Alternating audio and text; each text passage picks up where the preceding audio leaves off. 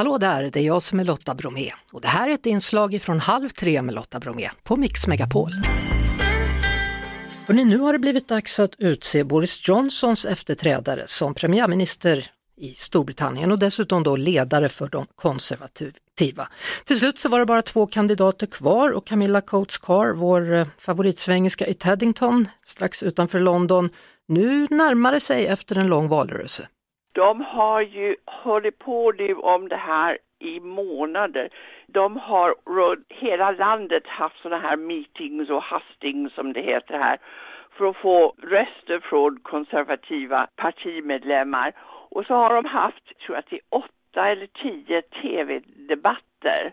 Och du vet att de säger ju om samma sak igen igen så att människor har ju börjat tröttna på hela det här. Och då har de inte ens börjat sitt jobb. Nej, och kan du tänka dig vilken intray de har, den som får börja? Bara problem och katastrof. Det är nog inte lätt att bli, vem det nu än blir.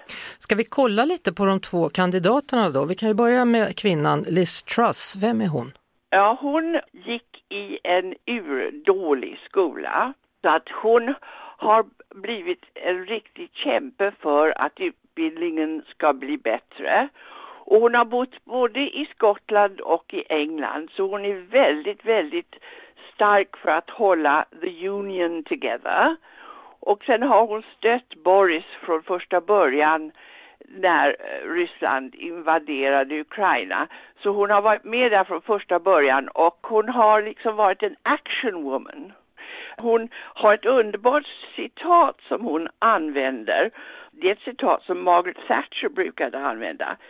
If you want advice, ask a man. If you want action, ask a woman. Mm -hmm. och sen så har vi den andra då? Rishi Sunak. Du vet att här säger man ju att om en premiärminister känns igen från sitt första namn, då är det ett stort plus. Men jag tror varken Rishi eller Liz kommer få den applåden. Men i alla fall Rishi. Han har ju varit finanskansler eller vad det heter till Boris Johnson. Han har varit väldigt duktig under pandemin för han såg ju till att massor av människor fick en stor del av sina löner när det var shutdown här. Och sen så har han, alltså jag kan inte låta bli att berätta hur jag ser honom. Hur ser du honom? Ja, han är ju inte varm. Han säger de rätta orden. Men jag tycker inte det betyder så mycket därför att han är enspårig. Han är inte att han vill göra massor med förändringar och göra saker bättre. Utan han vill liksom gå i en fåra. Jag kan inte förklara. Det var ganska bra förklarat i och för sig. Hur ser det ut då? Det har väl kommit någon form av opinionsundersökning eller? Oddsen ligger fortfarande att Liz Truss ska vinna.